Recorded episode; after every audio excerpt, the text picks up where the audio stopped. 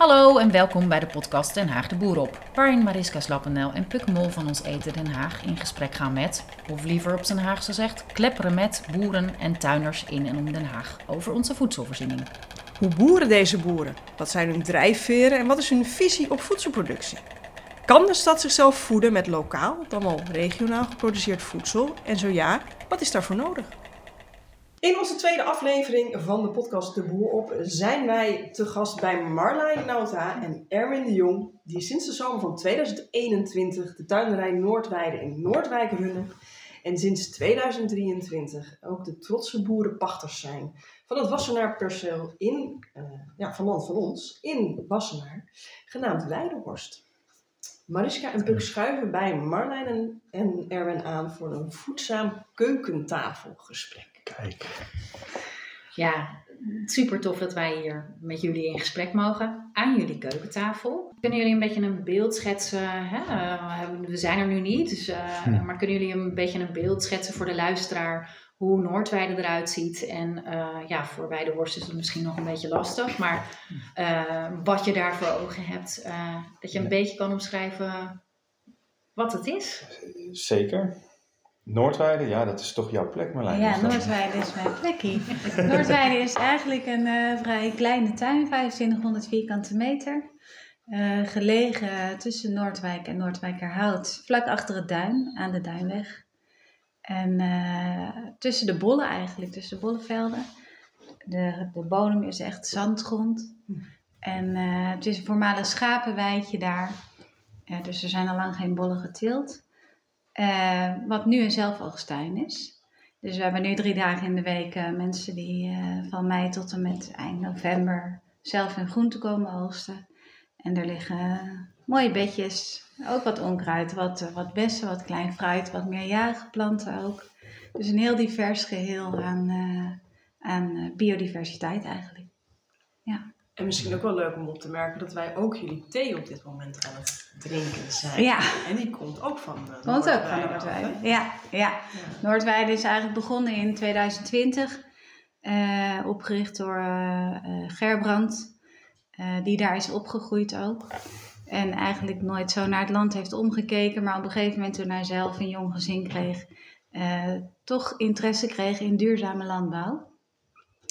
En hij is begonnen op dat lapje grond met vooral met theekruiden en met wat meerjarige groenten. Dus uh, artisjokken en de groene asperge. En uh, hij had ook nog wat dingen als zuring en uh, ja. van die spannende avonturen. Maar goed, vooral veel salie, munt, citroenmelissen, hyssop, dropplant, bergamot, dat soort rijen, rijen vol, dus even meters van 30, met bedden van 30 meter en gigantisch veel. Althans voor een normale kruidentuin, zeg maar. Ja. ja. ja. En dat komt ook omdat de kruiden het in, het in het zachte zeeklimaat en ook op de zandgrond doen het gewoon heel goed. En je hebt er eigenlijk weinig omkijken naar, dus uh, dat, dat werkt daar prima. Uh, en werd, voordat er bollen waren, werden ook veel kruiden geteeld op die plek. Dus het is heel mooi om daarop terug te pakken. Uh, en zo zijn wij eigenlijk aan die thee gekomen. Inmiddels hebben wij wel, toen wij instapten, Gerbrand heeft het één jaar gedaan. Daarna hebben wij het overgenomen, Erwin en ik. En wij hebben toen wel gezegd, uh, theekruiden mooi. En uh, thee afzetten aan de Noordwijkse horeca ook. Maar er zit geen verdienmodel in. We kunnen daar niet ons gezin van draaien. En wat wij ook heel graag wilden, was mensen de tuin inhalen. Ja. Dus om die twee redenen eigenlijk, ik denk dat dat de belangrijkste redenen zijn. Ja. Ook een stukje lokale voeding willen produceren. Maar hebben wij ge gezegd van dan willen we toch graag uh, de zelfoogst invoeren. En inmiddels is de tuin, er staan nog steeds uh, heel veel kruiden, maar veel minder dan er stonden. En er staan veel meer groenten, uh, meer eenjarige groenten ook. En voor, en voor televisie is het kruideris, hè? Dus ja. Ja, althans. Ik ja. zit elke avond wel, uh, ja. ja. Dus, dus ook zeker. de avonduren worden benut. Ja, ja. ja dat werk stopt nooit. Ja. ja, dat is geen 40 uur werk nee. Want als je het zo rekent, niet. Nee, nee, nee. Ik denk dat de bak achter jou nog staat met ja. uh, citroenmelissen en uh, de laatste die nog gedaan moet worden. Ja.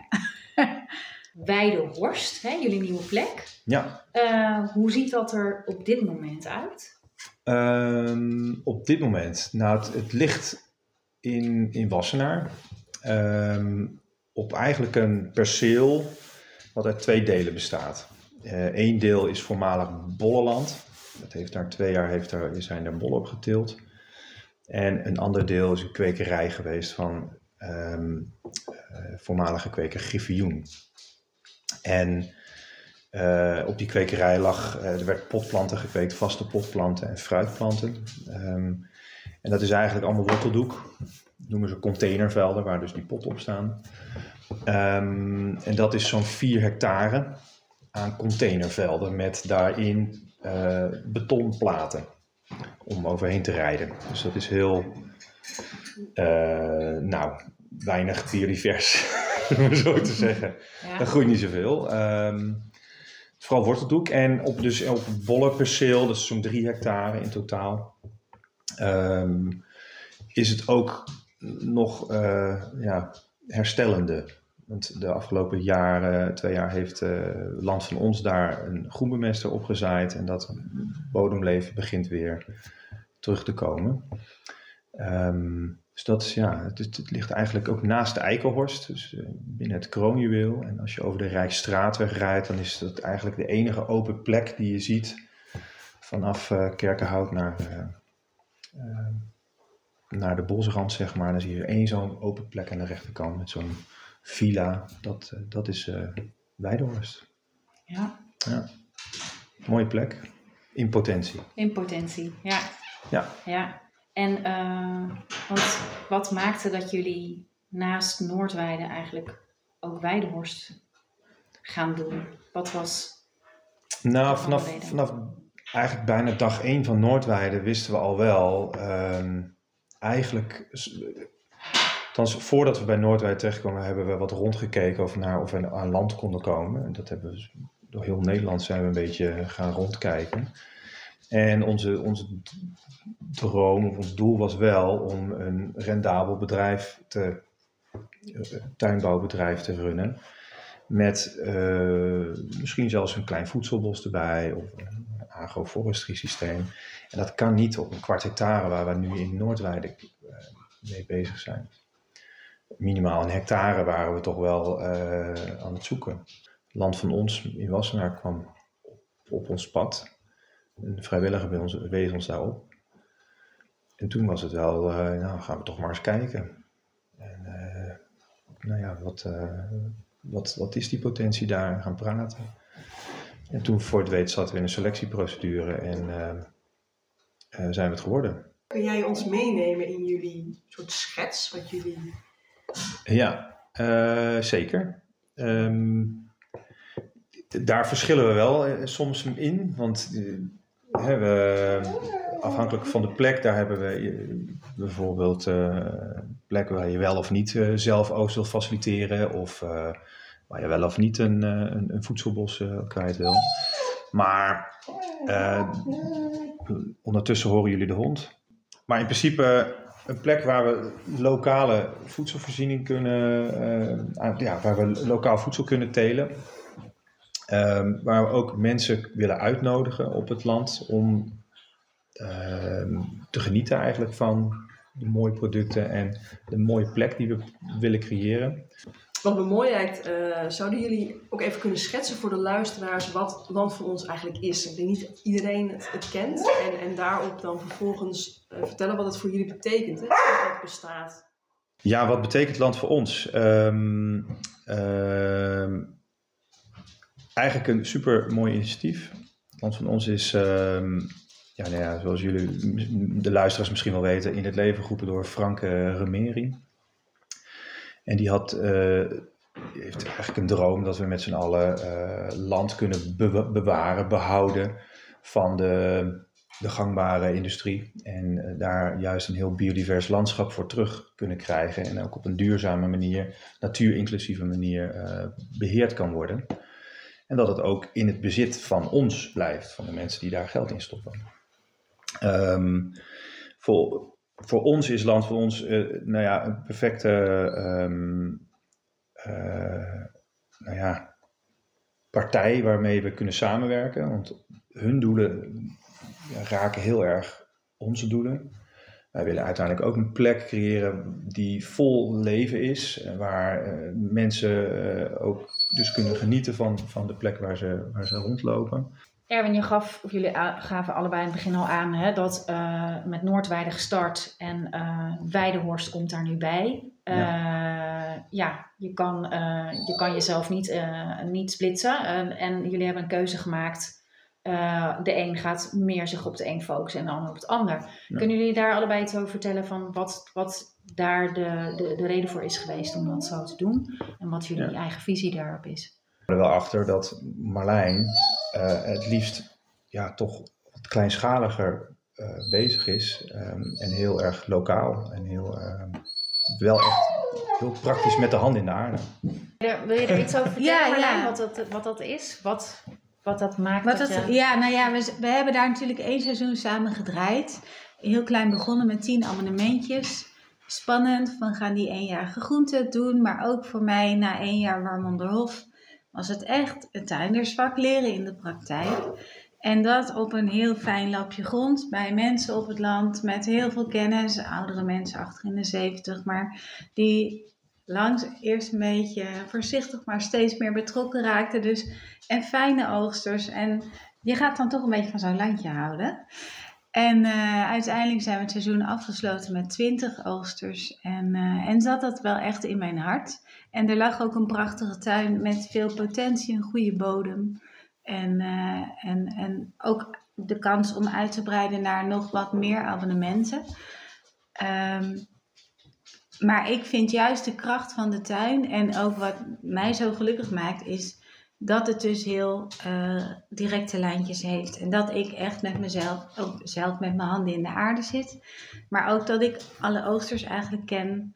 En uh, alle contacten direct verlopen. Er zijn geen managementlagen of uh, iemand die aanstuurt en daar weer een tuin eronder en daar weer. Het is allemaal klein, overzichtelijk. En ik denk dat dat ook echt de kracht is. En in die zin is dat denk ik ook wat de zelfoogstuin wil doen. Het is ook een stukje verbinding. Uh, ook in sociale zin. Ja. En, en ik voel me daar heel happy in. Dus ik was, uh, had uh, moeite om dat los te laten en doe dat dus ook niet. nee. ja. Nee. En Beidehorst is een heel ander verhaal, omdat het, het is 24 keer zo groot als Noordweide. Ja. Als ik daar sta, dan ben ik echt een beetje aan het verdrinken. Dat ik denk, wat een Zeker nu nog, denk enorme ik. Hè, er... Mijn tuin is dan een moestuintje. Waar ook al genoeg werk is voor uh, mijzelf, 24-7 soort van. Maar uh, uh, groot en dat vraagt gewoon om hele andere capaciteiten eigenlijk. En, en, en ondernemerschap en een stukje management en financiële modellen die heel kloppend zijn. Alles wat, wat dat betreft is Noordweide echt het, het kleine broertje. Uh, wat het voor mij juist heel behapbaar maakt. Voor mij juist, Weidehorst, da juist daar de uitdaging in zit. Ja. Om daar samen met de mensen die daar uh, ook een hart uh, in, in, in, hebben, in, ja, in willen stoppen, om daar samen iets van te maken. Um, ja, het, is, het zijn gigantische lappen grond en je hebt daar misschien iets meer mechanisatie nodig. Ik heb, ik heb nog vrij snel een trekkertje ge gekocht, omdat ik denk, ja, ik moet daar het land op om het te bewerken. Want dat ga je niet meer met een, uh, met een woolfork doen. Dat kan niet. Dus, en um, ja, dat maakt het soms wel dat je denkt van, ja, wow, er is nog een hele hoop, hele hoop te doen. Dus dat vraagt veel meer um, planning, uh, aansturing, geregel dan het wat overzichtelijkere bij Noordweide. Ja. En even voor de duidelijkheid, jullie achtergrond is uh, bij allebei iets anders dan wat jullie nu doen, hè, volgens mij. Ja, ja. absoluut. Ja. ja. ja. ja. ik ben uh, PABO gedaan, ben een paar jaar juf geweest en uh, onderwijskunde gaan studeren. En ik heb eigenlijk de afgelopen zeven jaar voordat ik de Warmond Hof ging doen, gewerkt als gastouder. Dus met de opvang van kleine jonge kinderen van 0 tot 4 uh, hier thuis. In combinatie met onze kinderen die toen nog klein waren. En toen zij ouder waren, onze jongste 9 en Bent 11. Toen ben ik, uh, was het voor mij ook tijd om eruit te gaan. En uh, toen ben ik gaan studeren weer. En dat werd dus biodynamische landbouw. Ja. En toen had ik het gevoel, ik heb genoeg tools om dit te gaan doen. En in het diepe. En, uh, en dat is goed uitgepakt. Ja, ook een beetje met het idee dat Erwin vanuit die heeft de hotelschool gedaan. Dat daar al een stukje ondernemerschap zat. En kennis daarvan. Waardoor we wel uh, een bedrijf konden gaan bouwen. Ja. ja. Jij met je ik met mijn in de handen in klei. Ja. ja. En jij meer van uh, het zakelijke dan. Maar ik begon mij, zeker toen Marlijn ging stage lopen bij, bij, de, bij Zoeterwoude, had ik ook wel, uh, kreeg ik wel kriebels om zelf een tuinderij te Ik denk zo, wauw, dit, dit is toch kick als we dit zelf kunnen doen. En, uh, en ik, ik ben ooit de hotelschool begonnen om, om ooit een eigen bedrijf te starten, maar nooit, ja, in wat, wat dan. Dus, en ja, als je dan kinderen krijgt, dan ga je al gauw ga je gewoon een baan zoeken en, en ga je geld verdienen. Um, maar dit was een prachtige kans. Ik denk van, hé, hey, dit, dit is een mooi moment. Wat maakt nou, waarom vinden jullie het zo belangrijk om dit te doen wat jullie doen? Ja. Waarom heb je hiervoor gekozen? Ja, voor mij is een belangrijk stuk altijd toch een andere economie inzetten. Um, en dat is gewoon een stukje van mijn geweten, denk ik, heel persoonlijk, wat knaagt. Waarvan ik denk, wij zijn hier met de rijkste 3% in het Westen en de rest van de wereld een beetje aan het leeghalen. Met soja uit Zuid-Amerika en weet ik veel wat allemaal. En mensen daar laten werken tegen een hongerloontje. En uh, we houden hier zelf onze rijkdom in stand. Hoe kunnen we dat verantwoorden naar onszelf? En ik denk dat dit is een speldenknopje wat ik doe, maar dat de lokale economie stimuleren. En een stukje mensen bewust maken dat het anders kan. En dat je misschien die soja wel niet nodig hebt, maar dat er ook hele mooie peulen bij ons groeien. Dat dat, uh, dat, dat toch een kleine verandering kan, uh, kan brengen. Dat is denk ik voor mij de onderliggende motivatie. Buiten natuurlijk gewoon gezonde voeding en eerlijk willen telen. En uh, ik zit in een gebied waar heel veel gif wordt gebruikt in de bollen. Maar er is natuurlijk ook een hele andere manier van landbouw en, en, en ook een succesvolle manier. En dus dat is, dat is een tweede hele belangrijke. Ja. En ten derde is voor mij is, is de zelfoogst dus een manier om mensen die tuin binnen te halen. En kinderen die uh, alleen maar opgroeien met zakjes groenten uit de supermarkt in plastic verpakt. Die nu echt zien hoe de spruiten aan de stam groeien. Ja. En die zich voortdurend verwonderen, maar ook echt genieten van de tuin. Net als volwassenen hoor trouwens. Dat, dat vind ik ook heel mooi. Dus dat zijn voor mij ja, drie, drie redenen om dit te doen en vol te dragen. Ja.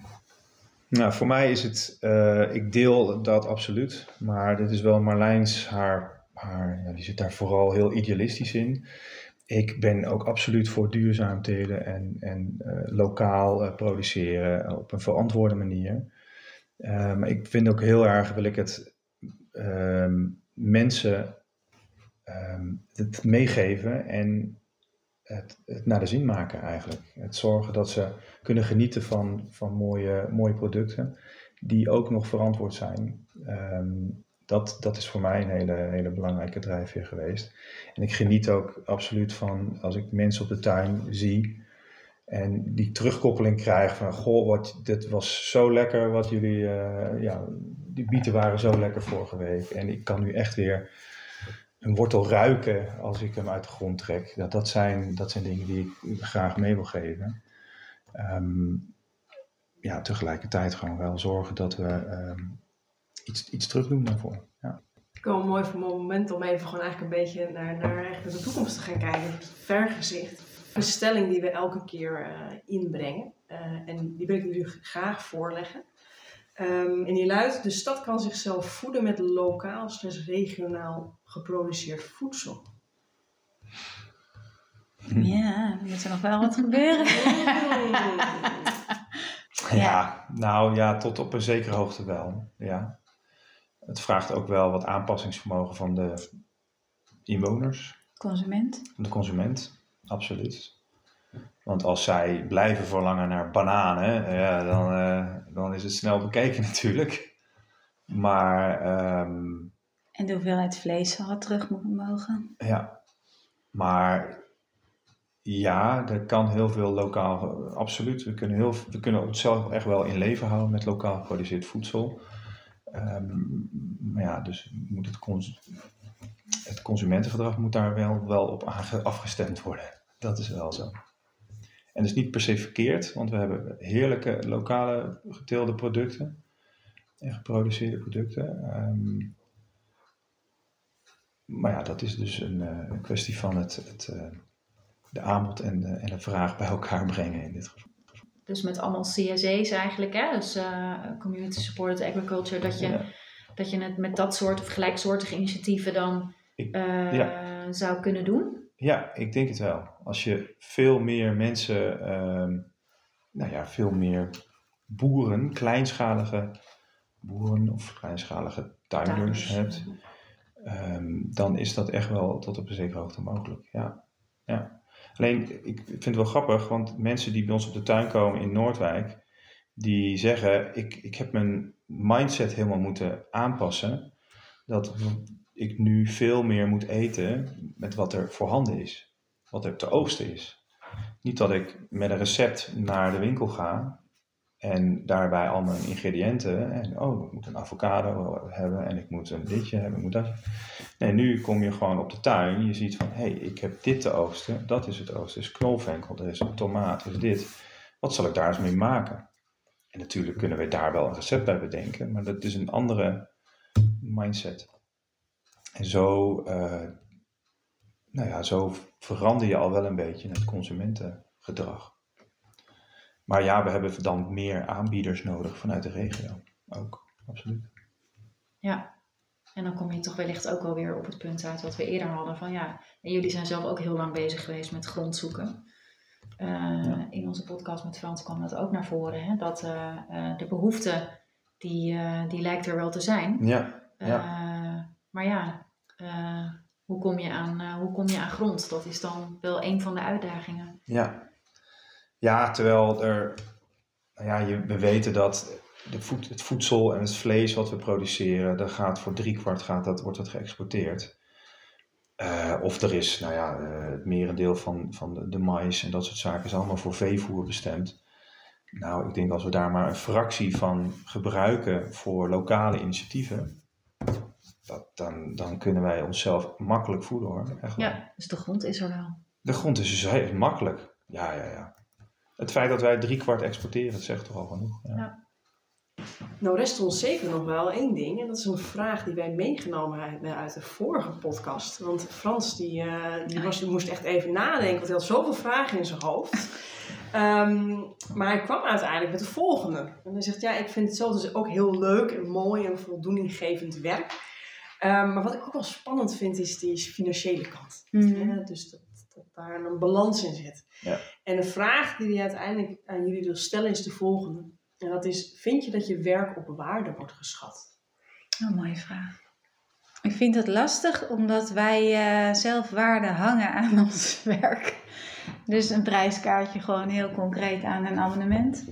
Uh, er wordt zeker wel aan het enthousiasme en de waardering van mensen op die manier, maar financieel gezien, uh, denk ik wel, ja, kom je een beetje op het systeem van solidaire betalingen. Heeft hij dat, Frans, of niet? Weet ik niet. Nee. Of heeft hij een abonnement met één vaste hij prijs? Heeft een abonnement met een vaste prijs. Ja. ja.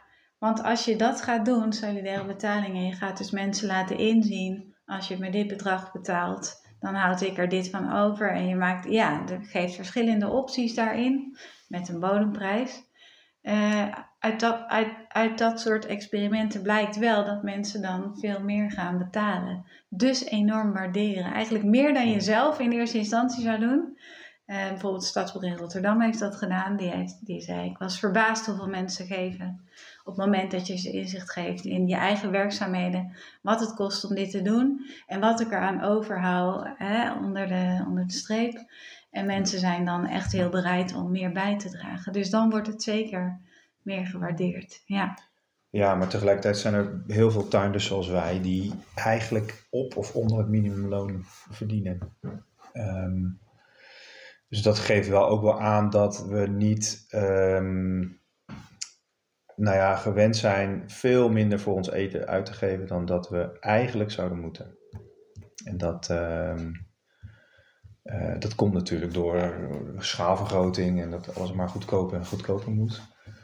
Maar eigenlijk als je ziet welke, hoeveel uren we eigenlijk erin stoppen in de tuin, dat halen we niet eruit. Nee, niet op Noordwijk zeker niet, want dat is, daar is het gewoon te klein voor.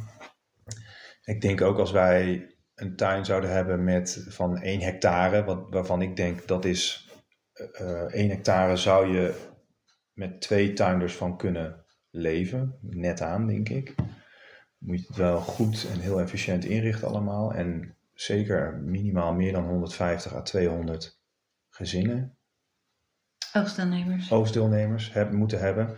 Dan kun je, heb je allebei een oké inkomen. Maar vetpot zal het niet worden op dit moment. Nee.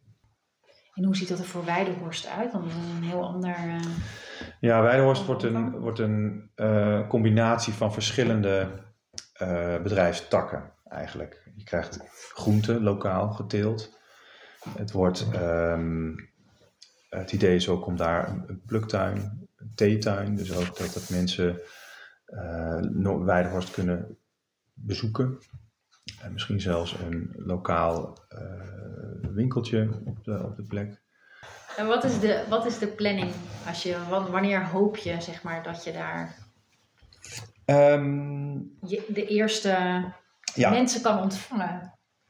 Ja, dat is een goeie. Nou, op zich, mensen zijn nu al wel, mensen zijn al wel welkom. Ik, uh, we hebben nu al meewerkdagen dat we elke maandag en donderdag uh, kunnen mensen zijn welkom om mee te helpen.